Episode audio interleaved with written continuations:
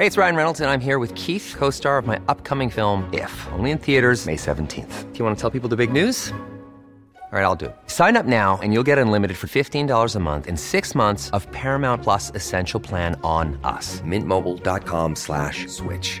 Upfront payment of $45 equivalent to $15 per month. Unlimited over 40 gigabytes per month. Face lower speeds. Videos at 480p. Active Mint customers by 531.24 get six months of Paramount Plus Essential Plan. Auto renews after six months. Offer ends May 31st, 2024. Separate Paramount Plus registration required. Terms and conditions apply if rated PG. I'm Sandra, and I'm just the professional your small business was looking for. But you didn't hire me because you didn't use LinkedIn jobs. LinkedIn has professionals you can't find anywhere else, including those who aren't actively looking for a new job but might be open to the perfect role, like me.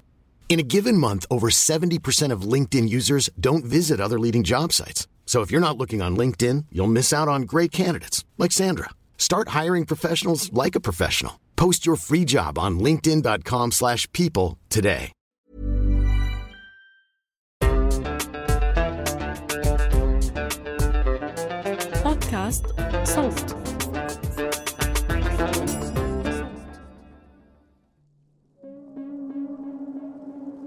بيوم من أيام الصيف اللاهب سنة 2017 بجنوب العراق تحديدا بأهوار محافظة ميسان يسود الجفاف والأهوار هي أرض منبسطة تغطيها المياه العذبة والمسطحات المائية الشاسعة الممتدة على مساحة ثلاث محافظات جنوبية هي ميسان وذيقار والبصرة.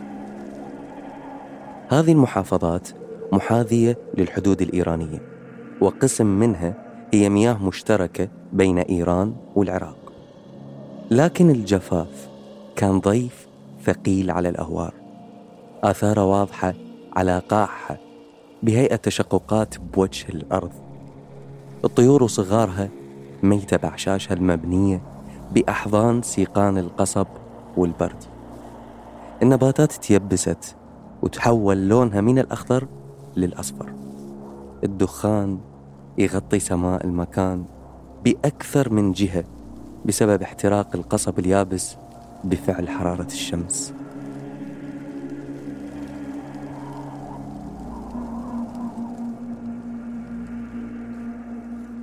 مشهد قاسي وما يشبه الوضع الطبيعي للأهوار اللي تعودنا على مساحاتها الخضراء وأصوات طيورها المحلية والمهاجرة. في نفس هذا اليوم الحار ب 2017 داخل بيت عراقي بسيط بأهوار السلام في منتصف شهر رمضان. جبار يتناول دشداشة بيضة معلقة ببسمار على الحائط الطيني.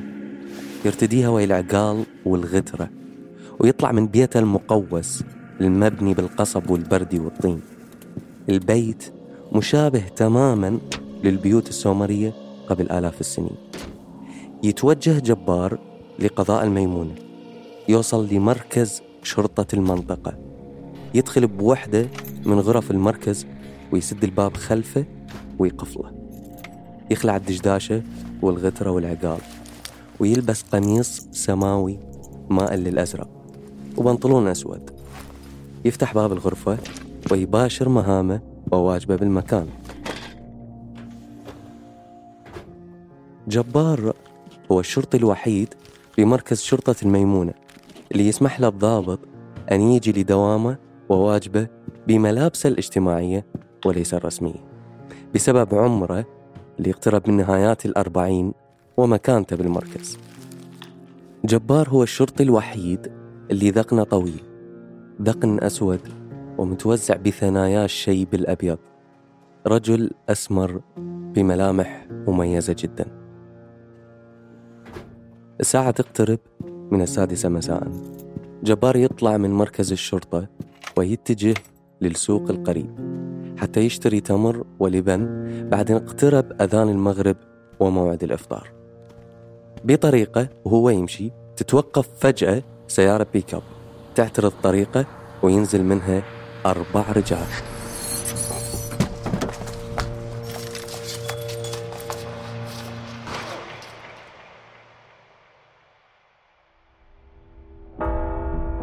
هذه سلسلة عراق الدم والماء من بودكاست أحراز ومعكم الوليد خالد. في هذا الموسم نتحدث عن جريمة تصحر أهوار جنوب العراق والعطش اللي يضرب الناس والأرض. نتبع جرائم قتل وعمليات نزوح واندثار مهن واختفاء وانقراض محاصيل زراعية لطالما كانت دلالة لأرض السواد. العراق بلاد الرافدين العطشانين.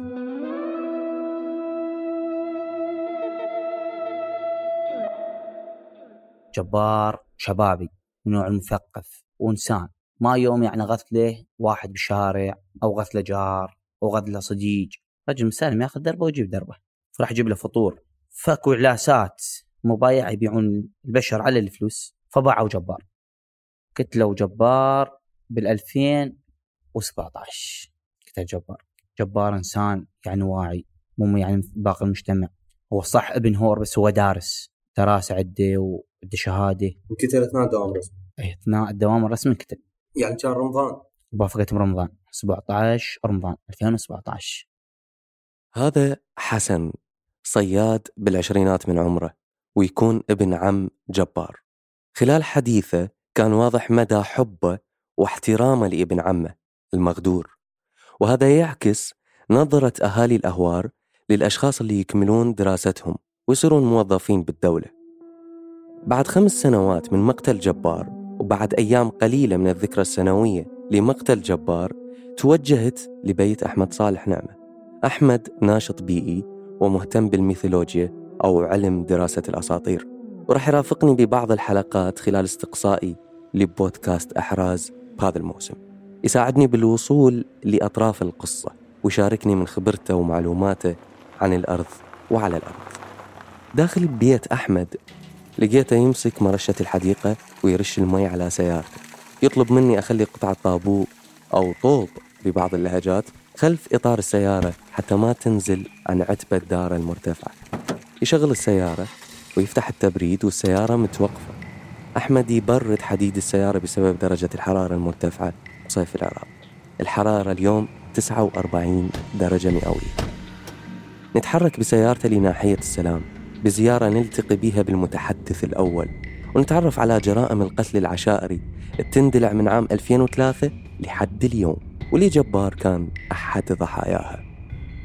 ناحية السلام تبعد حوالي 47 كيلومتر عن مدينة العمارة مركز محافظة ميسان. ناحية السلام عبارة عن أرض منبسطة تماما يشقها نهر دجلة وتتوزع على أراضيها المزارع والحقول وتعتبر منتج مهم للحنطة والشعير. وبحكم موقعها الجغرافي على نهر دجلة والأهوار فيعتمد الاقتصاد بناحية السلام بشكل أساسي على مهن صيد الأسماك والطيور وتربية الحيوانات. وأن من يضحي منكم في سبيل الدفاع عن بلده وأهله وأعراضهم فإنه يكون شهيدا. إن شاء الله تعالى.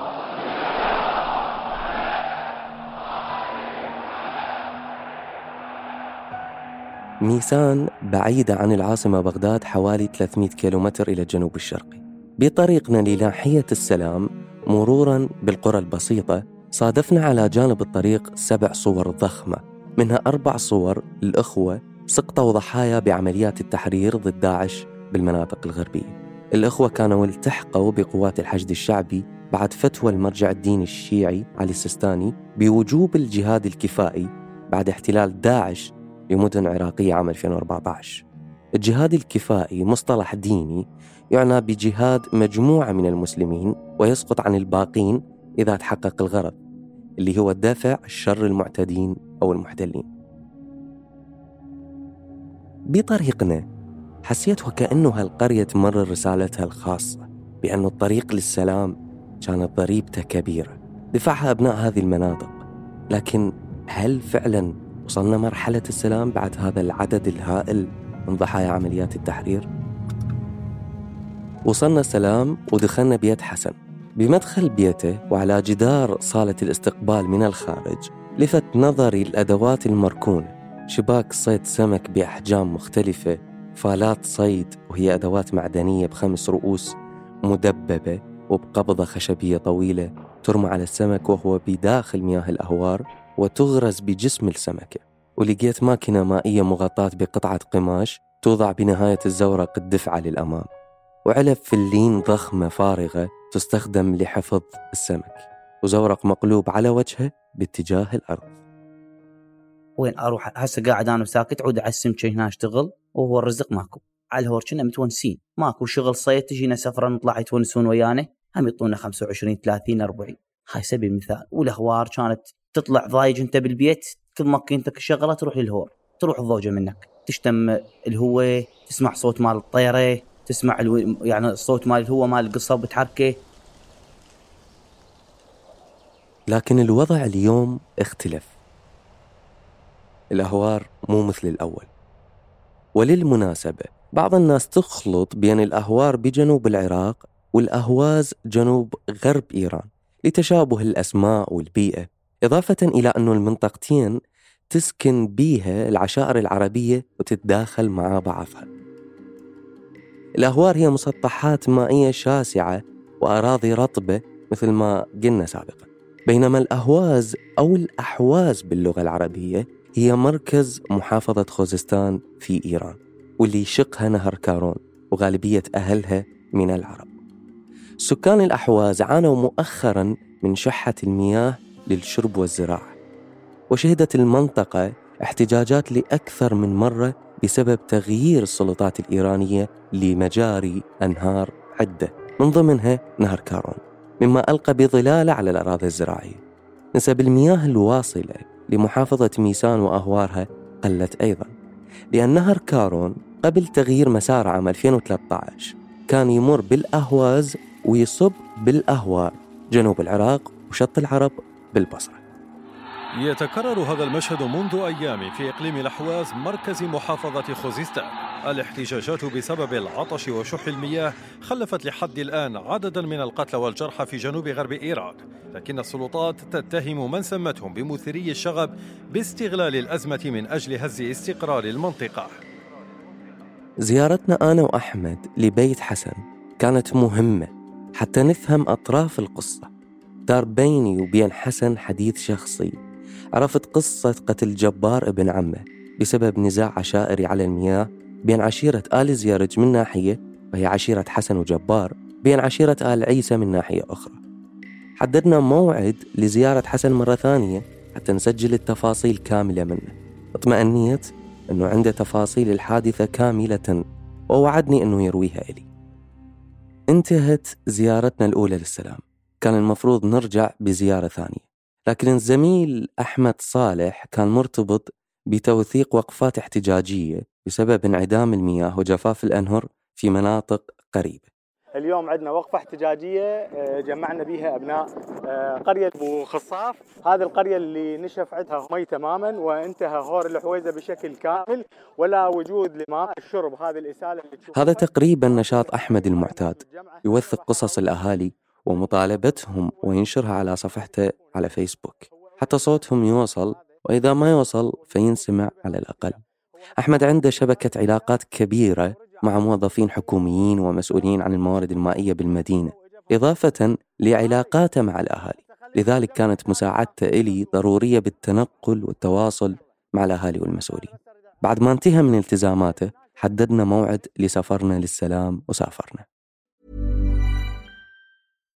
If you're looking for plump lips that last, you need to know about Juvederm lip fillers. With Juvederm Volbella XC and Juvederm Ultra XC, your lip look, whether it's subtle or bold, can last up to one full year with optimal treatment and no additional maintenance. Find a licensed specialist and see if it's right for you at juvederm.com today. That's J U V E D E R M.com. Add fullness to lips in adults over 21 with Juvederm Volbella XC or Juvederm Ultra XC. Do not use if you have severe allergies or a history of severe allergic reactions, or if you're allergic to lidocaine or the proteins used in Juvederm. Tell your doctor if you have a history of scarring or taking medicines that decrease the body's immune response or that can prolong bleeding. Common side effects include injection site redness, swelling, pain, tenderness, firmness, lumps, bumps, bruising, discoloration, or itching. As with all fillers, there's a rare risk of unintentional injection into a blood vessel, which can cause vision abnormalities, blindness, stroke, temporary scabs, or scarring. For full important safety information, visit juvederm.com. Hey, it's Ryan Reynolds, and I'm here with Keith, co star of my upcoming film, If, only in theaters, May 17th. Do you want to tell people the big news? All right, I'll do. it. Sign up now and you'll get unlimited for $15 a month and six months of Paramount Plus Essential Plan on us. Mintmobile.com slash switch. Upfront payment of $45 equivalent to $15 per month. Unlimited over 40 gigabytes per month. Face lower speeds. Videos at 480p. Active Mint customers by 531.24 get six months of Paramount Plus Essential Plan. Auto renews after six months. Offer ends May 31st, 2024. Separate Paramount Plus registration required. Terms and conditions apply if rated PG.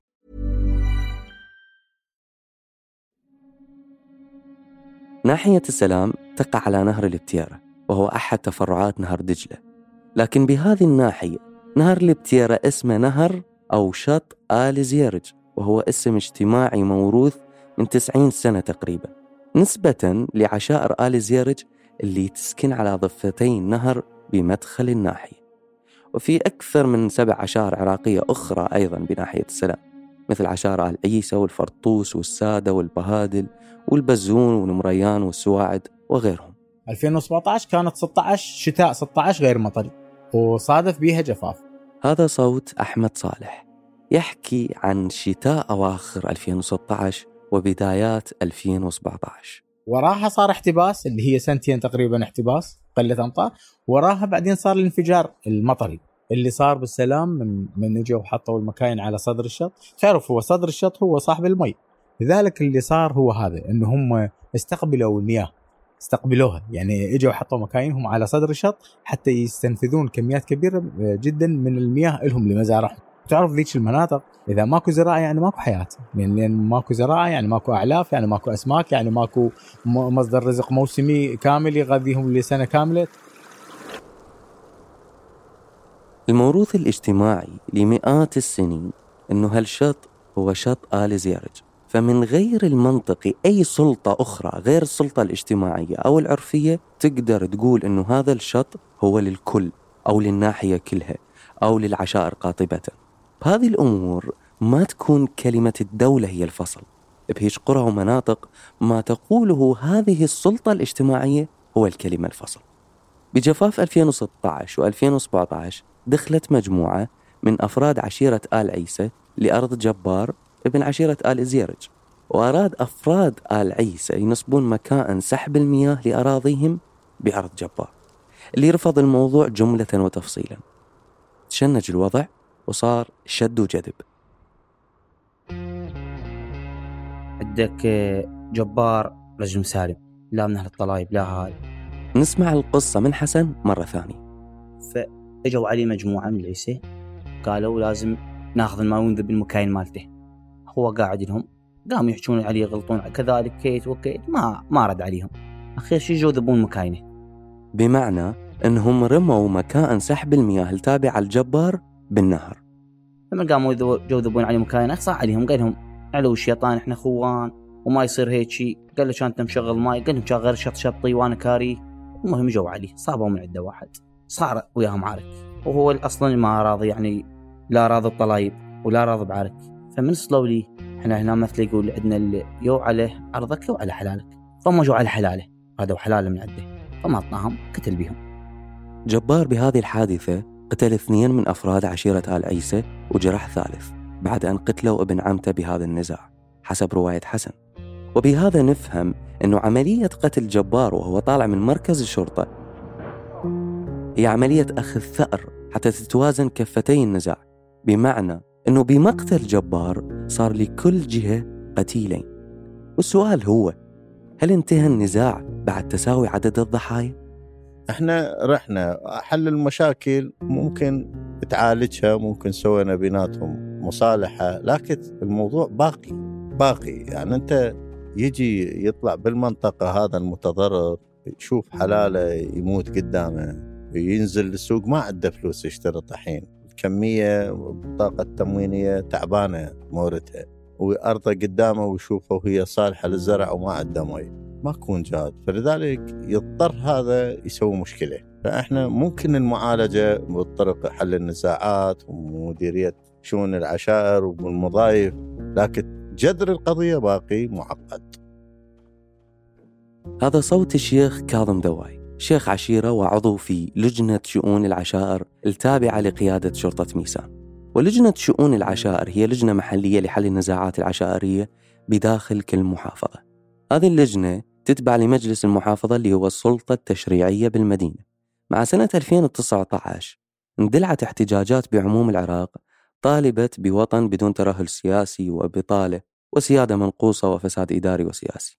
بعد الاحتجاجات ألغيت مجالس المحافظات من قبل مجلس النواب العراقي وهذا كان أحد مطالب المحتجين. فصارت المحافظات تحكم بسلطة تنفيذية فقط متمثلة بمحافظ المدينة. بالتالي صارت لجنة شؤون العشائر بميسان مرتبطة بمحافظها. ومشاهدينا نحن في متابعة لهذه التغطية المستمرة عن الأحداث في العراق عن مظاهرات التي اندلعت اليوم في العاصمة العراقية بغداد والتي أدت حتى الآن إلى سقوط ثلاثة قتلى وستين جريحا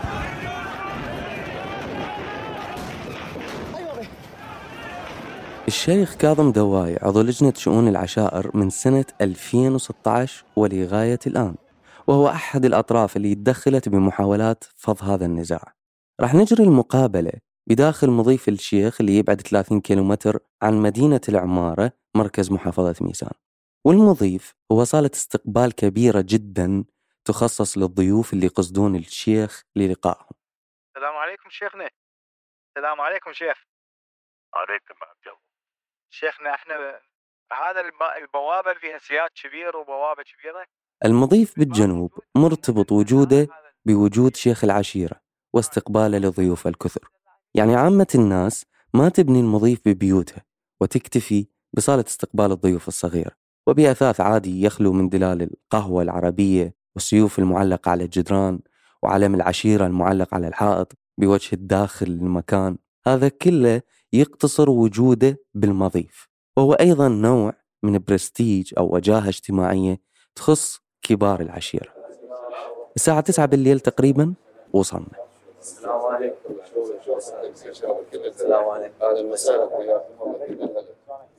بعد الترحيب قعدنا بالمضيف اللي يمتد على طول 20 متر تقريبا وبعرض 10 متر. مضيف الشيخ كاظم دواي ما مبني من القصب مبني من الطابوق والكونكريت المسلح مصبوغ باللون الأبيض متوزعة على جدران صور الشيخ والشهادات التقديرية والهدايا المتنوعة بين سيوف عربية وسجاد منسوج بخيوط صورة الشيخ بطاولة مستطيلة قدام الشيخ عليها القرآن الكريم تحتها طاولة أصغر منتشرة عليها دلال القهوة وبركن المضيف علم العشيرة معلق على الحائط يعني بالعادة لكل عشيرة علم يمثلها يسمى محليا بيارغ لقينا رجال قبلنا قاعدين يم الشيخ عندهم مشاكل عشائرية والشيخ كاظم دواي داخل بيها كطرف للحل.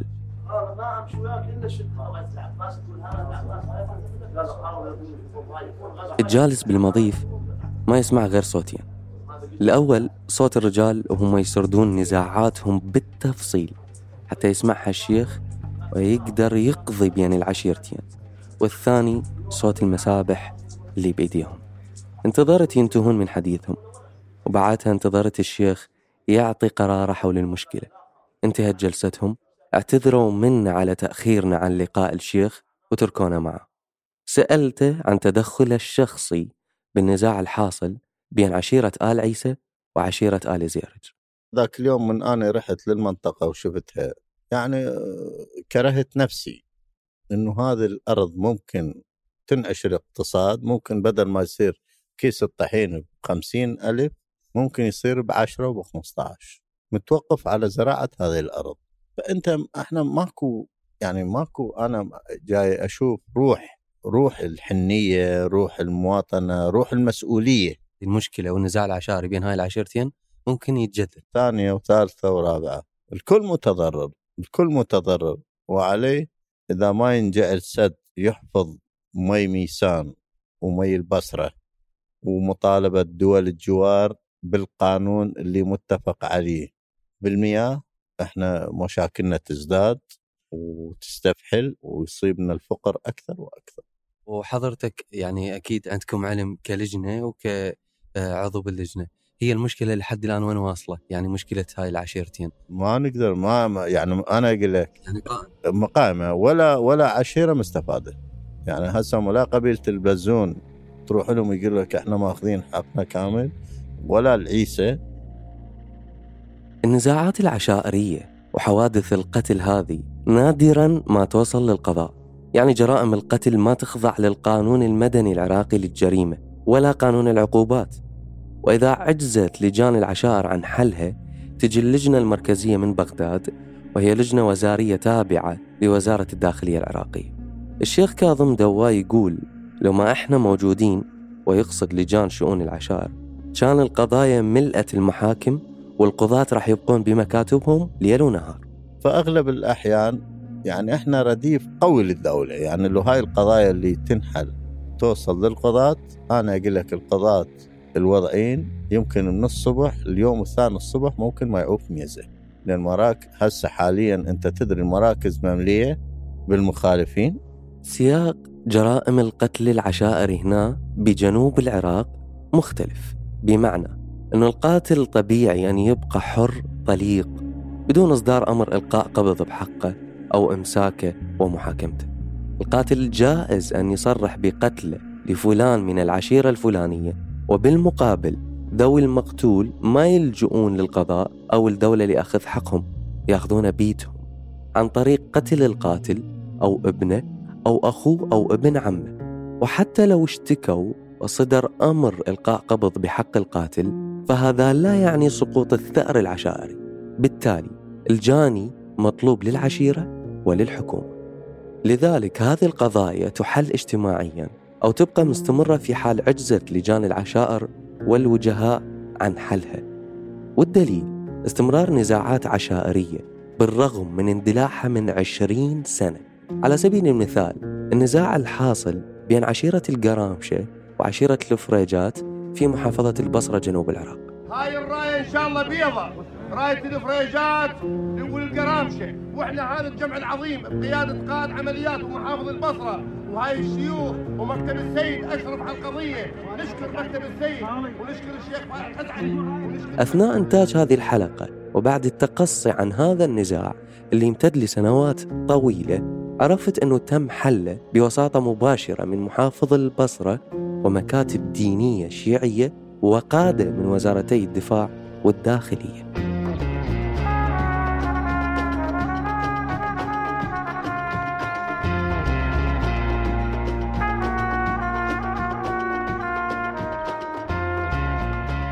انتظرونا بالحلقة القادمة لما نتفاجأ بحضور طرفي النزاع العشائري ببيت واحد أثناء إجراء تسجيل المقابلات.